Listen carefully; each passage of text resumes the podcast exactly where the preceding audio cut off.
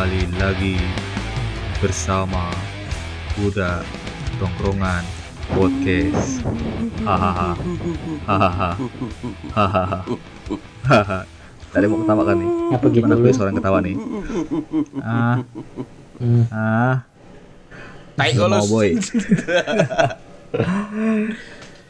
nah, udah tongkrongan podcast kembali lagi bersama kami bertiga. Ada aku, Paulus Oyo, ada Yel dan ada Yo. Angga di sini. Di podcast kali ini kita mau ngomongin sesuatu yang merisihkan, menjengkelkan dan menjadi perdebatan mungkin ya di tongkrongan Lumayan. kita. Tapi terkadang menyenangkan. Hmm. Ya, kita aja sebelum bahas ini udah Wah, debat dulu asli dah. panjang. Setuju enggak setuju, bisa diangkat atau enggak. Nah, tapi ini sekali lagi kita disclaimer ini pendapat kita sebagai anak tongkrongan ya. Karena di tongkrongan kita suka ngomong yang enggak sesuai ini sama fakta, tapi kita udah cari dulu sih fakta soal ini dan beberapa halnya tentang pemahaman kita soal tema Iya hari dong. ini. Nah, jadi hari ini kita mau bahas soal body shaming. Jadi kita mau belajar body eh mau bahas soal body shaming. Nah, buat teman-teman eh kayaknya kalau zaman dulu kita sebelum nama body shaming ini naik ya. Kita mungkin nyebutnya ngejek Nyakat. kali ya dulu ya. Nge ngejek. Ngejek secara ya nyakat, nyakat, nyakat secara repetisi, repetitif. Nyakat sering-sering. Misalnya kita ngomong gendut, ih gendut kau nih, gendut. Istilah gitu. Kayak iya lah. Woi, kau nih body shaming kan. aku. Ah, tuh. Ah, sekarang tuh ada kalimat itu tuh, body eh kau nih body shaming nih. Dan sekarang udah Ya, aku UU-nya lagi tuntut kan. kau nanti ya. Hmm, bisa dituntut. Nah, menurut kalian eh body shaming sendiri itu apa sih? Dari Yel. Body shaming. Aku kurang ngerti sih, Lus. Mungkin kau bisa jelasin, Lus, body shamingnya apa, Lus? Aku tanya, kalau aku gini, kalau aku body shaming adalah sesuatu di dari dari kita yang kita mau rubah, tapi secara kemampuannya kita tidak bisa. Contoh, eh, eh, kita punya pelatih kawan kita satu nih dulu nih, telinganya tidak ada sebelah. Aduh, aku ingat Oh, R ingat R kita? R pokoknya. Eh. R R. Petrus. Ah, itu kalau kita sakat dia tidak ada telinga, kita itu body shaming, baru itu hitungannya body shaming, karena dia tidak bisa tidak bisa apa-apakan lagi gitu. Oke. sesuatu yang dia tidak bisa tidak bisa dia rubah lagi itu udah udah udah memang diciptakan dia udah kayak gitu Anjir. Udah sangat susah gitu atau enggak kayak aku dulu kalau aku dulu gigi gigi aku berantakan sekali kan misalnya budak-budak nyakat aku eh gigi nggak rata gigi berantakan segala macam bisa termasuk body shaming karena apa karena biaya biaya menurut aku biaya untuk memperbaiki gigi itu mahal Dan ya, sekali. semua orang setuju. bisa gitu. dan tidak semua tidak semua orang mampu untuk memperbaiki gigi Terus berarti ini juga dong, Lus. Kayak misalkan aku gemuk nih. Sebenarnya aku tuh udah berusaha untuk kurus. Hah? Cuman emang nggak bisa kurus gitu. Tapi Ah. mereka ngejek-ngejek aku itu termasuk body shaming juga tuh ya. nah ini masih jadi pemikiran Nah, aku. Oh. ada uh, uh, kal- kalau kalau kurus kalau gemuknya karena gen dan memang karena sakit kayak kita pernah lihat contoh yang pernah di uh, apa namanya dilatih adera itu nggak yang gendut Oh, tahu banget tahu karena tahu penyakit tahu tahu. ah itu karena penyakit kalau kita misalnya nge- ngecengin dia gendut itu jelas kita body shaming tapi untuk orang-orang nih yang bahkan dia ndak gendut sama sekali atau dia ndak kurus sama sekali disakat kekurusan dibilang ceking atau dibilang uh, gembrot kayak babi Anjing. Kayak babi. tapi padahal dia kayak cuman se sekitar ya butuh butuh cuman nge-gym sama makan sehat aja dia udah bisa kurus dia tidak mau lakukan itu dan dia lebih memilih untuk berlindung di kalimat body shaming ini Oke. Kalau kasus aku gimana? Kalau kasus aku itu menurut gimana? aku Anjing, itu menurut aku. Kasus, kasus aku gimana? Kasus kau Nih gimana? kan aku dari dari ah, SMP kau kan diolok kita Ah. pengkor. Body shaming lah tuh. Karena kaki aku letter letter O. kau nah eh, body shaming itu body shaming menurut aku karena kau bisa kau bisa luruskan lagi kaki kau tidak bisa kan tapi kan balik lagi body shaming kan itu kan body shaming kan eh, kita lontarkan atau kita utarakan ketika kita tersinggung kan kau merasa tersinggung enggak kalau kayak aku aku dibilang gigi nggak rata ya aku tahu gigi aku nggak rata tapi aku nggak- jadi aku nggak tersinggung gitu Hmm. Hmm. kau tersinggung enggak Bo- kalimat body shaming ini kan dilontarkan karena kau merasa tersinggung karena kau ngerasa ini tidak nyaman kau tuh mengatakan sesuatu pada tubuh aku yang membuat aku sendiri jadi tidak nyaman tentang tubuh aku Me- menanggapi keadaan tubuh aku secara negatif dan tidak nyaman karena kalimat-kalimat kau Oh, oh berarti Oke. kau hmm, tidak nyaman tidak ketika hmm, kali- berarti ah eh, body body shaming ini apa Oh. diletakkan kepada orang yang merasa tersinggung atau enggak gitu. Kalau dia enggak merasa tersinggung, ya nah, jadi bisa contohnya kayak misalnya yang enggak ada telinga tadi itu, kalau dia diolok-olok diejek gitu kan tentang eh, eh Petrus gitu kan. Mm-mm. Ah, diolok gitu kan. Terus dia enggak merasa tersinggung, jadi dia enggak merasa itu body shaming. Tapi kalau Nah, orang lain juga melihatnya, orang lain kadang melihatnya, orang- eh kau ini ngapa ngolok kayak Nah, gitu? Nah, Ah, respon orang kan, lain tuh. kadang ada orang yang tersinggung Oh, untuk nah, orang lain Itu sih. Iya iya iya. Benar. Benar tuh. Tapi itu perlu, bisa dimasukin body shaming juga ya kalau yang tersinggung orang lain gitu. Kalau yang Lumayan. tersinggung orang lain, kalau yang tersinggung orang lain itu juga bisa dikategoriin body shaming. enggak lah. Ah, itu kurang tahu. Kayaknya sih enggak. Enggak, enggak lah. Kan yang yang harusnya enggak. Jadi gini, body shaming itu kita nge-body shaming orang lain. Kita ada- kita istilahnya kita ngejek orang lain, tapi or, ada orang yang membela hak body shaming dia karena dia enggak membela hak body shaming dia sendiri. Hmm, Karena orang itu merasa ya, merasa, "Ih, kau ini ngapa enggak membela diri kau? Kau ini bisa membela diri kau sendiri." Dan aku yang bela ya gitu, ngerti nggak sih? hmm, Oh iya iya. Mau maksudnya baik mungkin ya. Hmm. Maksudnya baik sih. Ya, maksudnya baik lah supaya kau tuh istilahnya kalau kita ngomongin tidak terbully oleh kalimat-kalimat body shaming ini. Ah, bo, terus body shaming Nah. termasuk bullying enggak atau enggak? Tergantung intensi kali ya. termasuk bully satu tergantung intensi kedua eh, repetitif nggak Bu- selalu aku bilang bullying itu repetitif kalau nggak repetitif Nah, berarti kalau bukan yang- bullying Eh, kalau yang aku rasakan nih kan aku sering dibilang pengkor. Maksudnya repetitif sekali tuh dari orang yang dari orang yang akrab sampai baru kenal ya berani ngomong gitu. Ah itu termasuk body shaming dan bullying enggak? nah itu body shaming tapi bukan bullying Kenapa pula Oke. kan repetitif? karena bullying harus ada Kan ada pelakunya pelakunya, Yel, kau. nah tapi Repetitif. repetitif nggak Repetitif tulus. Berarti Repetitif bullying. tuh. Oh, tapi maksudnya aku enggak merasa itu bullying gitu. Ya udah Oh. berarti nggak bullying kan balik lagi ke Ah, tapi kalau tetap iya, hitungannya bisa. bullying Kan- sih Sel- eh tapi hitungannya hitungan tetap hitungan tetap bullying tapi karena karena Si korban tidak. Kau- Hmm. Balik gini gak aku uh, sekali lagi aku bilang laki-laki itu melakukan bullying karena untuk senang-senang beda sama Hmm, perempuan berarti mungkin tergantung respon yang ngedengarnya gitu ya, yang nerimanya ya. hmm, hmm. Hmm, nggak peduli target siapanya pelakunya siapa. Robot. hmm. Soalnya bullying bullying sendiri pun ada warnanya yang setahu aku jadi ada warna kayak kalau yang dari aku pernah dengar ya jadi ada Oh, warna kalau merah, merah tuh hijau. berhenti, hijau tuh boleh jalan. Hmm. jalan Kalau merah kuning hijau, Bu- uye dia kan. bullying bul- bullying merah tuh yang pelakunya yang yang orang yang sama orang yang sama ke orang melakukan tindakan yang sama ke orang yang sama dan ber- dan berkelanjutan itu bullying jadi pelaku dan dan korbannya sama terus harus sama. Anjir. itu bullying enggak nah. Oke oke kita lanjut. Nah tadi itu ngomongin soal body Anjir ini baru mulai udah udah berdebat Terus- banyak tanya. asli. Berat nih. Nah jadi gini. Kemarin aku lagi lihat beberapa teman-teman aku yang ngepost lah soal ada cewek gendut banget sama kurus banget dalam satu frame cuma di post aja gitu terus aku baca uh, deskripsinya Uh, jangan uh, deskripsi gini jadi jangan bilang untuk perempuan yang gendut untuk berusaha nguruskan badan dan jangan bilang perempuan yang kurus untuk berusaha naikin berat badannya karena mereka sebenarnya udah tahu cuman mereka susah untuk melakukan hal itu Oh. Oke. Itu lebih Nah. ke body shaming kok. Eh, enggak, itu deskripsinya. Terus ada beberapa, aku baca komennya lah, ada beberapa orang yang setuju dan ada beberapa orang tidak setuju. Oh, dia bilang gini, ada orang yang gendut dan merasa dia nyaman dengan badan gendutnya. Ada orang yang merasa kurus dan dia ngerasa nyaman dengan badan kurusnya. Terus statementnya adalah karena bentuk badan itu estetik. Bentuk badan itu adalah seni.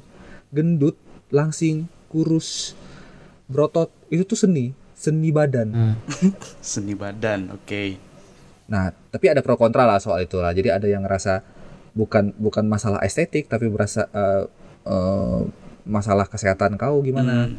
ada juga yang eh, apa menganggap ya kita harus dukung setiap tujuan orang masing-masing. Maksudnya dia pengen gendut ya udah. Maksudnya mungkin dia ada ada ada sesuatu yang dia tidak bisa ungkapkan ke orang lain. Dan akhirnya eh, membuat badannya menjadi seperti itu gitu. Nah untuk kita nih kalau melihat case tadi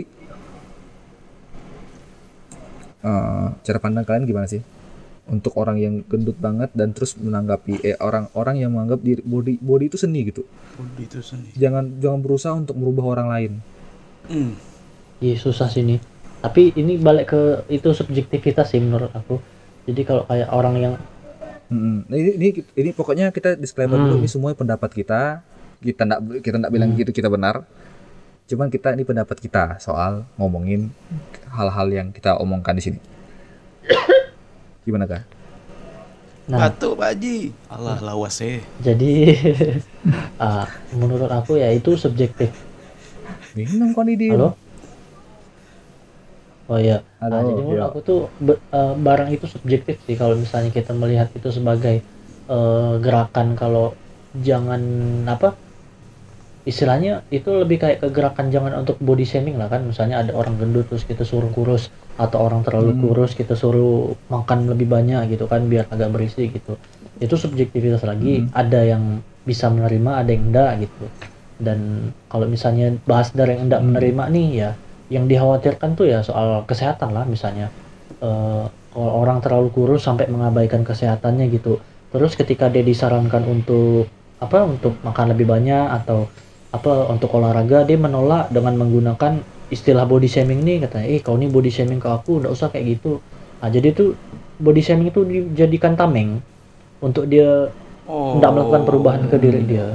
Nah, itu dari sisi kalau yang tidak setuju, tapi kok dari sisi setujunya menurut aku eh, orang lain tuh tidak perlu ikut campur dengan apa yang akan dilakukannya. Kalau aku merasa nyaman dengan keadaan aku kurus kayak gini ya udah. Kalau aku merasa bisa menerima resiko kalau aku sakit ya udah tidak apa-apa gitu. Jadi ini subjektif sekali sih. Tidak bisa kita Hmm. untuk bilang ini salah ini benar, tidak bisa. Mm-mm. Itu kalau kau ya Kalau aku setuju sih sama enggak subjektif. Contohnya aku kan gemuk ya gitu. Sering sering sekali aku Hmm. diejek, kau nih gemuk, kurus lah, diet lah, apalah kata dia. Aku secara aku pribadi aku nggak ada ngerasa tersinggung sama sekali. Cuman Ka- kalau karena dari maksudnya orang baik yang gitu ya, dengar, ya mu- mungkin maksud dia baik, walaupun emang kata dia ngejek kan dia pengen pengen aku jadi lebih baik gitu kan. Ya kita tahu lah kalau misalnya terlalu gemuk kan obesitas, penyakit gula dan lainnya gitu kan. Hmm. Tapi ya aku ngerasa nyaman dengan badan aku kayak gini ini. dan belum siap untuk merubah diri Bukan kali ya belum siap, bukan belum, Belum siap, siap sih, atau lebih belum mau? ke belum mau kayaknya ndak ada niatan ke situ. Yang orang yang paling dekat lah, Hmm. Tapi contohnya keluarga aku sendiri kayak mama Ta- aku kan dia suka Hmm. bilang tuh, "Kau niel gemuk benar kayak babi," kata dia. Enak lah dimakan, aku bilang kayak gitu. Panggang ya, panggang ya, ambil ya, Ah. ini lengan aku nih ambil lah. Nggak mau diambil nih. Mm-mm. Nah, itu aku mau oke, nambahkan, aku mau nambahkan sedikit Lus. Nah, jadi eh, Ah. eh, menurut aku kan itu dari sisi yang apa penerimanya. Jadi kita nih sebagai posisi orang melihat gitu eh, harus punya pikiran kayak gini, enggak Hmm. apa? Kita terus mikir gitu. Orang lain tuh ngapa gitu? Di balik perilaku menyebalkan orang lain tuh kemungkinan Hmm. besar tuh dia ndak ada motivasi atau niat jahat. Cuma dia itu ja eh, ndak ndak Hmm. tahu ignorance gitu. Dia ndak tahu kalau ngapa Hmm. dia kurus tuh Mm-mm. maksudnya apa gitu kan dan sebenarnya itu sih yang harus dipahami sebagai orang yang Mm-mm. orang yang kena gitu ya orang yang di dikasih tahu gitu Mm-mm. dia tuh semuanya bukan punya niat jahat tapi Hmm. dia tuh ignorance dia tuh nggak tahu gitu dan kita harus Hmm. pahami itu sih Hmm. Mm. Oke oke. Sus. Nah, kalau mau ngomongin soal uh, subjektivitas nih, jadi aku sendiri punya pengalaman itu, dan aku juga ada satu cerita lagi soal si, ya kita yang kita omongin soal body shaming. Jadi ngomongin soal aku dulu, aku juga pernah gendut ya, pernah dari 60 eh dari 59 kilo naik langsung ke 89 kilo dan itu gendut ban Itu gendut lebih sekali berat lah dari aku sih, Lus. Sem- Nah, ya langsung gendut sekali lah pokoknya kan perasa sampai gendut sekali. Benar-benar eh, lemak di le- di sekitar leher tuh udah tebal sekali, perut udah buncit ke mana-mana. Pakai celana harus pakai celana ukuran 34, bayangin. Dulu sekarang celana ukuran celana aku 30 Tiga, boy. tiga puluh. sekali. Aku lah. Nah, oh, dulu 34 boy, aku sempat 34 Eh. bayangin. Nah, jadi dulu tuh karena dulu kan aku eh dulu aku kiranya aku nggak bisa gemuk kan, terus jadi banyak makan segala macam lah pada saat di Jakarta dulu. Jadi da- tanpa sadar setelah selama selama aku banyak makan tuh tiba-tiba jadi gendut sekali. Nah, terus eh pas aku pulang ke aku pulang ke rumah lah misalnya ke Pontianak terus banyak teman-teman aku ngapa kok bisa jadi gendut gini Ngapa kayak gini, lu? gini?" Eh, Ngapa kok kayak kodok? ah, Apa kau kayak kodok? Ah penyakat ah budak tuh budak tuh nak bilang gendut pasti bilangnya pakai perumpamaan. Kok ngapa kayak kodok balik kok kayak raksasa misalnya gitu. Gini gini gini gini lah nyakat kan. Ya secara secara mental pasti tertekan dong karena banyak yang bilang kayak gitu kan. Tapi secara body aku rasa nyaman nih. Ap- ngapain aku ngerubah bentuk badan aku kalau aku ngerasa nyaman? Dengan dengan dengan aku kalau aku bilang tuh karena mungkin aku malas ya karena dengan aktivitas aku yang dulu juga jadinya ya udahlah gendut pun it's okay kok gitu karena aku juga tidak perlu mem- memberikan penampilan baik terhadap diri aku. Soalnya kalau dalam dunia kerja aku aku nih orang belakang layar. Aku mikirnya gitu dulu. nah jadi aku menikmatilah mengenjoy enjoy lah dengan badan aku yang gemuk segala macam. Ah, terus ah ya tadi kayak misalnya aku nggak pernah pakai kata body shaming sih. Cuman ah, banyak lah dari teman-teman aku yang ngejek soal itu. Dan kalau kita balik lagi ke kalimat yang ah, oh ada ada satu kalimat yang aku dulu dulu suka aku pegang yang membuat aku jadi malas untuk memperhatikan kesehatan aku tahu nggak apa? Apa? Apa? jangan lupa bahagia Ah, tai kucing. Oh, yang penting kau bahagia gitu ya. nih salah satu ah, salah satu kalimat body positivity buat aku dulu jadi aku tuh mengabaikan nasihat orang lain demi eh, apa yang aku anggap menyenangkan buat Serius, aku Lus. Kalimat itu, Lus. Iya aku selalu bilang itu jadi setiap kali kawan aku bilang apa kau nggak mau coba kuruskan badan gini-gini udahlah ngapain gak kuruskan badan yang penting bahagia Anjing, gitu. sampah itu tuh. yang penting aku bisa makan sepuasnya bisa makan seenaknya iya, iya, bukan iya, sebelum aku akhirnya Oh iya, jadi misalnya kau aku. bikin validasi Tapi sampai- pembenaran tuh kalau kau gemuk gemuk tuh tak apa gitu. Oh iya paham. Hmm. Ah, kalau aku tuh gemuk tuh tidak apa-apa, tapi pada akhirnya mulailah aku ngerasa kok aku di umur segini di titik segini kok aku gini-gini terus. Misalnya kayak misalnya aku pengen punya pacar atau aku ngerasa eh, aku jalan ke kampus aja udah udah ngap-ngapan sekali gitu. Ah, benar sih, itu Asli. benar sih. Kalau badan gemuk benar sih. Ah, jadi tuh aku mulai ngerasa oh kayaknya aku butuh olahraga nih. Mulailah aku mencoba meniatkan olahraga kan. Kayak tadi ada orang bilang kau nggak perlu nggak perlu ngasih tahu. Mereka tuh sebenarnya udah tahu. Aku tuh udah tahu sebenarnya. Cuman ketika melakukannya tuh badan sakit, Mm-mm. terus kapok. Nyampai ke tempat gym misalnya, terus dipandang orang yang badannya berotot-berotot dengan aku yang badannya gemuk-gemuk, terus angkat-angkat beban sembarangan, malu, Hmm. tidak pede, ter- merasa terintimidasi, pulang, tidak lanjut lagi. Hmm. Uh, terus ya untungnya ada beberapa teman aku yang support aku untuk bisa jemput aku yuk kita nge-gym nge-gym nge-gym akhirnya dikasih knowledge tentang olahraga apa sih intinya dulu aku menjadi orang yang suka olahraga dan mengerti soal pola makan karena dibikin tertarik dulu sama olahraganya bukan karena harus kurus dulu Oke. Hmm. jadi aku tuh enggak di dulu teman-teman aku ngajarkan aku olahraga ngajarkan aku gym bukan karena mereka pengen aku kurus mereka pengen aku olahraga aja Oh iya iya. Hmm. Jadi tujuan aku jadinya tujuan aku dari pengen kurus berubah menjadi pengen sehat. Nah, ketika aku pengen sehat, jadi eh, ketertarikan aku tuh tinggi sekali gitu untuk belajar gaya makanan baru, untuk belajar gaya olahraga baru. Dan akhirnya ketika aku tidak memikirkan tentang kurus itu, tanpa aku sendiri aku kurus gitu. Tuh, tidur eh aku udah segini ya berat badan aku ya Wah, gitu. ya. anjing. Kok Dan akhirnya- film-film kau nih. dan akhirnya ya eh, untuk yang aku bilang tadi kalimat-kalimat yang aku bilang soal body, body positivity tadi yang aku bilang jangan lupa bahagia aku malah lebih bahagia ketika kurus daripada pas aku gendut kemarin Oh. walaupun dengan makan makan yang terbatas ya tapi aku tuh aku merasa aku sekarang lebih bahagia daripada dulu gitu nah itu pengalaman yang pribadi aku satu terus ada juga aku punya pengalaman satu cerita lagi jadi soal cewek lah ini cewek jadi dia tuh sempat kurus dulunya terus eh, ke- dalam beberapa bulan karena banyak makan tiba-tiba agak gemukan. Nah pas agak gemukan dia pakai baju tuh uh, sering pakai baju yang lebar-lebar kan. Mm-mm. Nah teman kantornya ini ya sering lah ngatain kayak kok lu gedutan sih, kok cabian sih. Si, si- Terus si juga uh, ketika naik bis tiba-tiba ada orang yang secara nggak sengaja nyuruh dia duduk di kursi ibu hamil. Hmm, dikira karena hamil. ngemandang badannya Nah. berat gitu, takut Nah, capek. karena dikira la- lagi hamil karena bentuk badannya mungkin terlihat seperti orang lagi hamil lah ya. Nah, nah dan dan akhirnya si perempuan ini jadi merasa tersinggung sekali. Kenapa sih orang-orang kayak gini gini gini gini gitu. Jadinya jadi nggak pede sama badannya. kan. Oh. Padahal menurut aku badannya bagus-bagus aja gitu. Nah, dari dua case tadi dari ceritaku dan cerita si perempuan ini gimana menurut kalian? Soal ngomongin body positivity dan orang yang padahal dia ndak dia di, dia dibilang misalnya dia dibilang cabi, dia dibilang gemukan itu tuh karena orang menganggap dia lucu gitu. Tapi dia ngerasa itu Hinaan. s- s- sing apa hinaan. eh, kalimat kalimat menyinggung. Hmm. Oke. Hmm. Kalau aku lus mungkin aku termasuk orang yang cuek ya. Jadi sebenarnya aku tuh kurang peduli kalau misalnya kayak orang tadi persilakan duduk atau ada yang ngejek kau tuh kayak kodok. Ya itu terserah terserah ya sih mereka pun bebas mau ngucapin kalimat apa pun. Jadi balik lagi ke dirinya masing-masing gitu, mau nerimanya kayak gimana.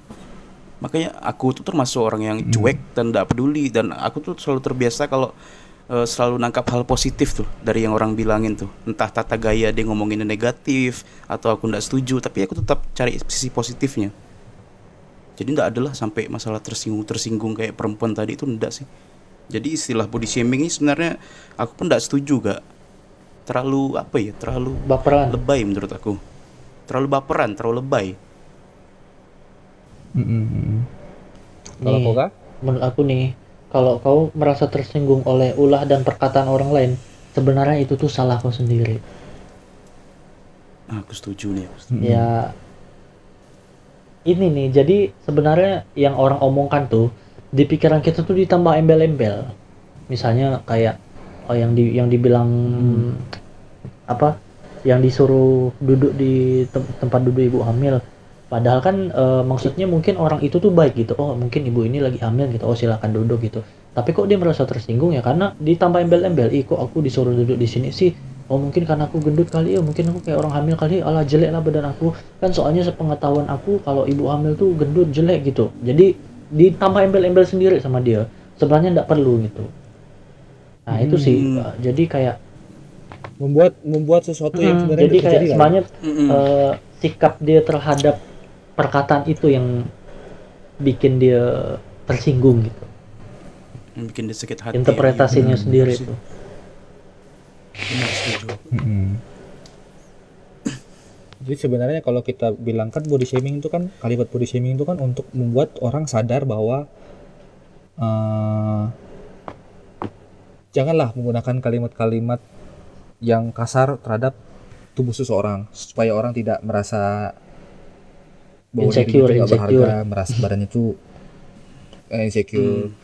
Nah, eh, kita, kalau kita balik lagi sebenarnya kita nggak usah mulai dari membenarkan orang dulu, tapi memper- eh, memperbaiki pu- diri kita Oh. sendiri, betul nggak sih kak?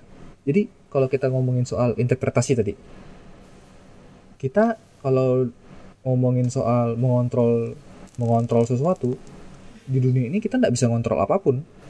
Kalau yang pernah aku dengar ya, yang yang bisa kita kontrol dari setiap kejadian dan apa pun yang ada di sekitar kita ya diri kita sendiri. Jangan mencoba untuk mengontrol orang lain. Nah itu benar- gimana menurut kalian? Hmm. Aku setuju sih, Lus. Kalau nggak? Kita harus harus Nah, iya. ngontrol diri kita sendiri gitu. Nggak bisa nggak bisa Hmm. kau ngarapin orang tuh maunya A, B, C, D, E. Ya, mereka juga Hmm. punya kontrol gitu terhadap diri dia sendiri. Kalau kau mau kontrol dia tuh, Mm-mm. aduh udahlah, lupakan lah. Kau urus lo diri kau seorang, boy. Eh, Hmm, kayak gitu lah Ah. kasarnya. kalau dari Angga gimana? Hmm, kalau enggak? ya itulah Ah, intinya kita tuh harus sadar sih kalau ketika orang lain ngomong tuh did- didorong dengan apa yang dia percaya gitu dan bangga gitu ketika mereka melakukan itu. Ya contohnya itulah ketika lihat orang gemuk dia bilang eh olahraga lah diet lah. Dia tuh merasa dia percaya kalau eh, kalau apa yang disampaikan tuh baik dan benar dan itu ada kebanggaan sendiri. Nah kita sebagai orang yang di di Mm-mm. yang di apa sih yang dikasih tahu seperti itu harus bisa mikir lah gitu ya kalau misalnya omongannya agak nyakitkan hati ya kita harus tahu posisi itu tuh dia tuh merasa dia tuh merasa kalau apa yang dipercaya itu benar untuk dia gitu tapi kan belum tentu buat kita gitu dan kita harus Hmm. itulah Mm-mm. nggak nggak bisa diambil mentah-mentah dulu kita harus lihat maksud dia ngomong gini ini apa intensinya untuk menghina kah atau untuk memotivasi gitu atau cuma bercanda gitu kan banyak faktornya nggak bisa diterima tok tok jadi kalau misalnya ketika kita bilang orang body shaming apa ketika kita ngomong ke teman umumnya sih teman sih terus teman kita balas kau ini body shaming kayaknya harus dilihat dulu sih maksudnya nih apa bercanda kah motivasi kah atau apa gitu. Nah, tapi kalau bis- bisa dibilang motiv body shaming nih kalau misalnya kita baru kenal sama orang terus orang tuh gendut langsung kita ngomong eh kau ini gendut gitu. Nah, itu asli. Baru kenal tuh ya konteksnya terus sih benar-benar menghina tujuannya itu boleh dipakai Tapi aku setuju sih nggak. Yang tadi atas apa yang dipercayai sama orang itu. Contohnya kalau aku biasa dihina gendut, aku hina balik tuh. Hmm, Kau iya. ini kurus, aku hina balik. Dia hina aku gen- gendut. Ah. Ya udahlah. Ah, Siapa jadi suruh kau kurus? ah, bilang jadi kalau di kasusnya Iyal kan dia ini apa melihat intensinya percaya. maksud orang ini apa gitu kalau bercanda ya balik kan lagi gitu kalau menghina kayak dia menghina udah sampai contohnya iya kau ini gendut kau ini tidak akan bisa punya cewek, cewek nanti kau nanti mati pas apa eh kau nanti jomblo sampai mati gitu ah itu iya jomblo sampai Ini kau mati kali yang ngata-ngatakan aku nih. Eh, itu kan intensinya beda. Ini kan intensi menjelaskan. Nah, kalau orang yang ngomong Ya, kayak ya, tadi, orang yang baru kau kenal, kau nggak mau dah marah lah pasti. Kau ini jomblo sampai mati kayaknya bro, gitu. Kau bayangkan ya kalau lagi nongkrong tiba-tiba ada keluar. Eh iya kan nih, ah, kau akan jomblo kan mati nanti ya kalau gendut terus. itu sih tetap betul Anjing an Tetap tuh. Oh, Langsung tombol aja.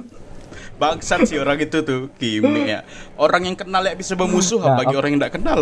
Sial. iya sih benar. Nah, itu itu kan tadi dari dari si kita kita ngomongin dari perspektif yang mendengarkan. Nah, untuk orang yang memberikan kalimat menurut kalian misalnya kan ada sebenarnya kita punya eh, ada orang yang bertujuan jahat, ada bertujuan baik. Bagaimana cara kita membedakan orang yang body shaming dan body advice? Oh itu susah sih tuh. Ataupun ataupun bagaimana cara kita untuk orang-orang yang sebenarnya pengen kasih body advice tidak menjadi body shaming. Kayak kan kadang kan kita kalau sebenarnya kalau kita dengar baik-baik hampir semua teman kalimat teman kita ya pasti diawali kalimat negatif dulu baru diakhiri dengan kalimat positif. Misalnya gini, ya kau ini gemukan aja, coba kau kuruskan dikit badan kau. Nah, itu kan ka- eh, kita kan dengar kata gemukin dulu baru dengar kata kurus ya kan. Mm, mm, mm.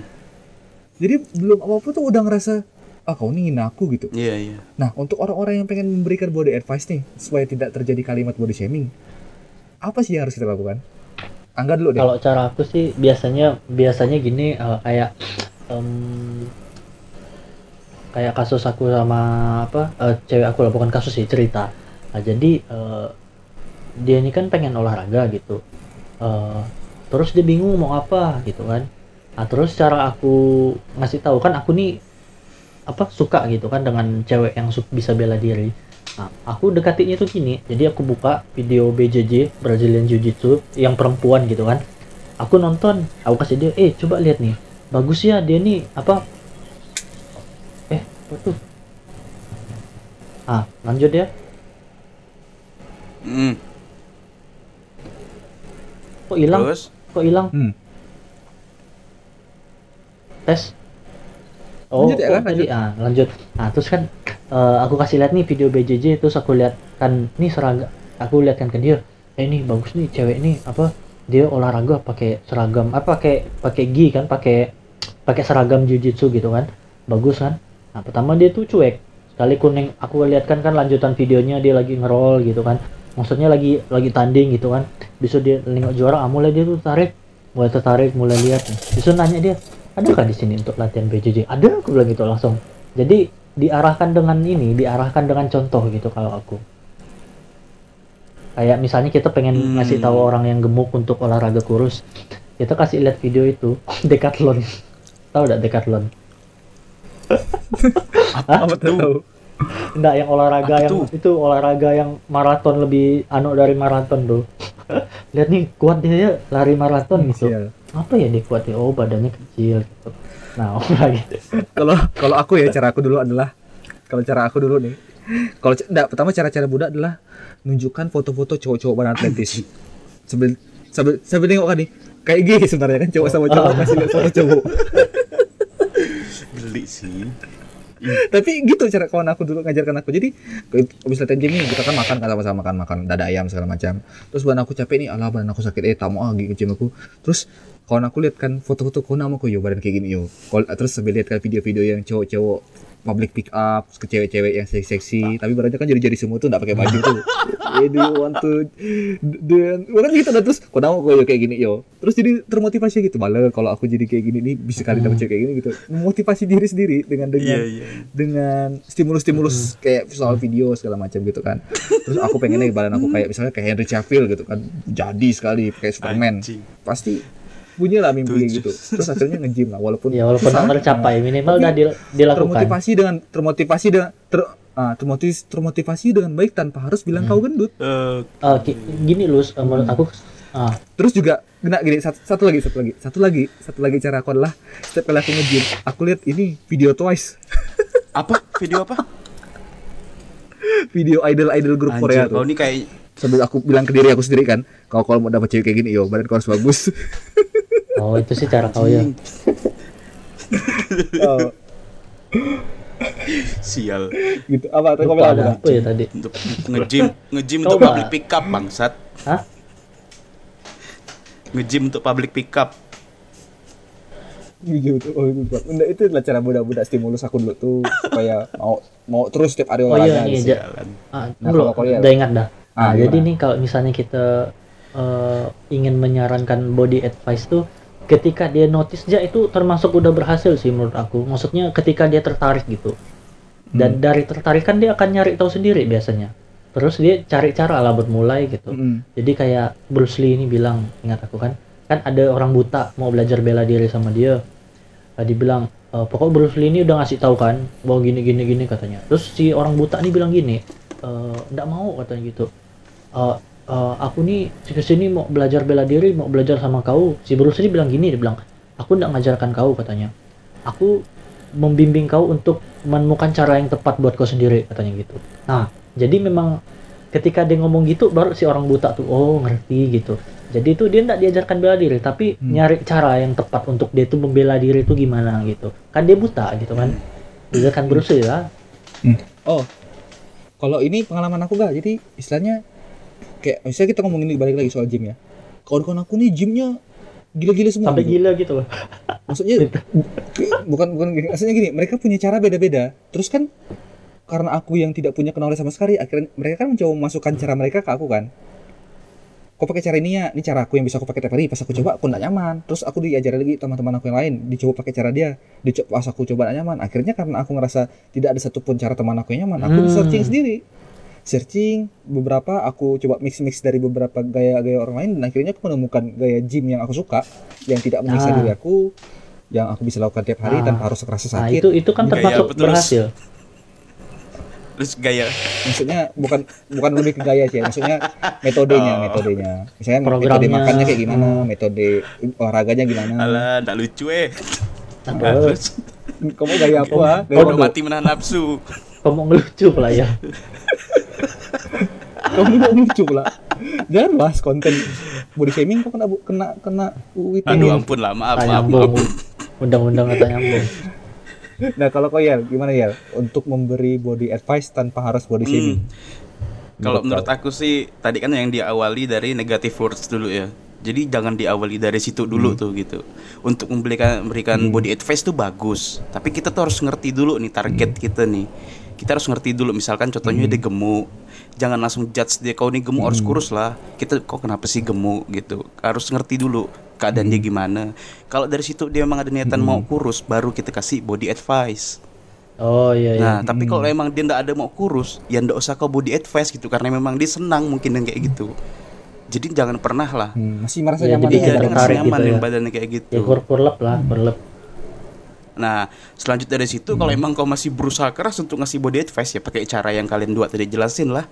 Cara-cara yang tunjukin ini bisa gini loh, bisa gitu loh gitu. Iya. doktrin secara iya, pelan-pelan. doktrin cara pelan-pelan. Jadi jangan pakai negative words tuh jangan lah.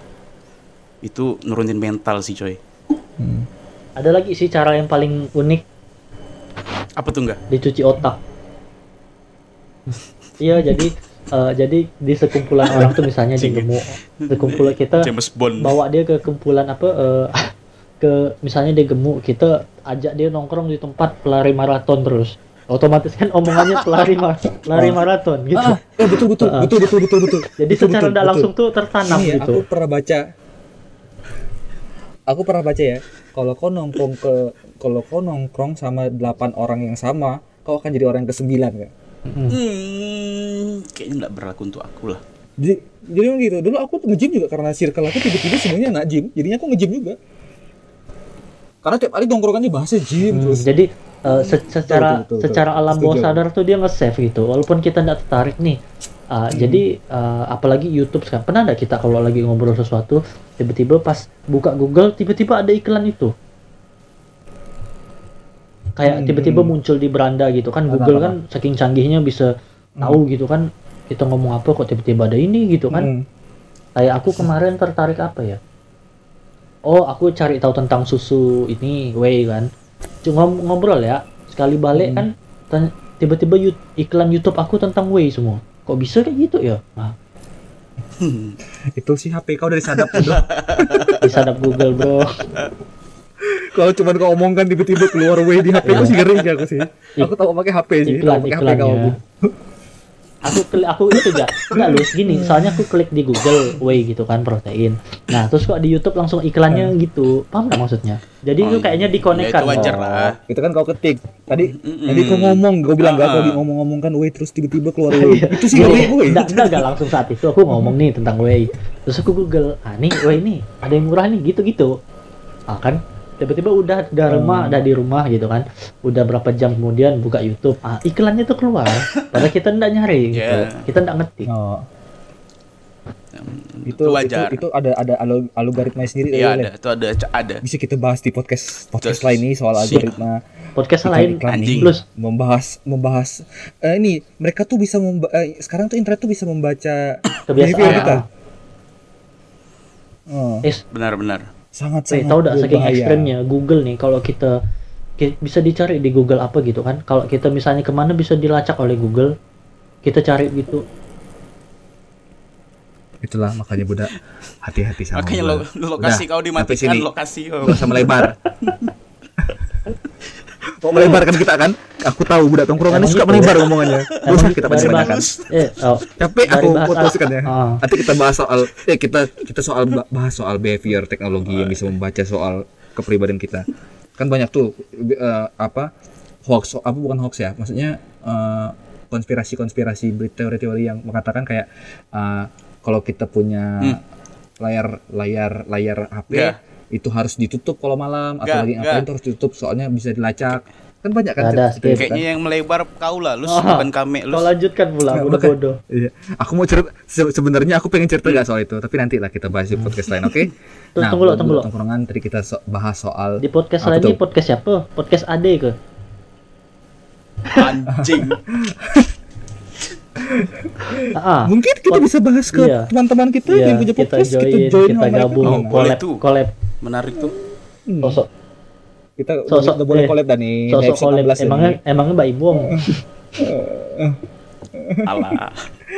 Dah, dah, dah. Nah, itu eh, buat budak-budak budak-budak tongkrongan nih yang dengarkan kita. Nah, tadi kita bahas soal perspektif kita soal body shaming, body advice, tentang cara berpikir seseorang terhadap perspektifnya interpretasi diri dia dan interpretasi orang-orang lain.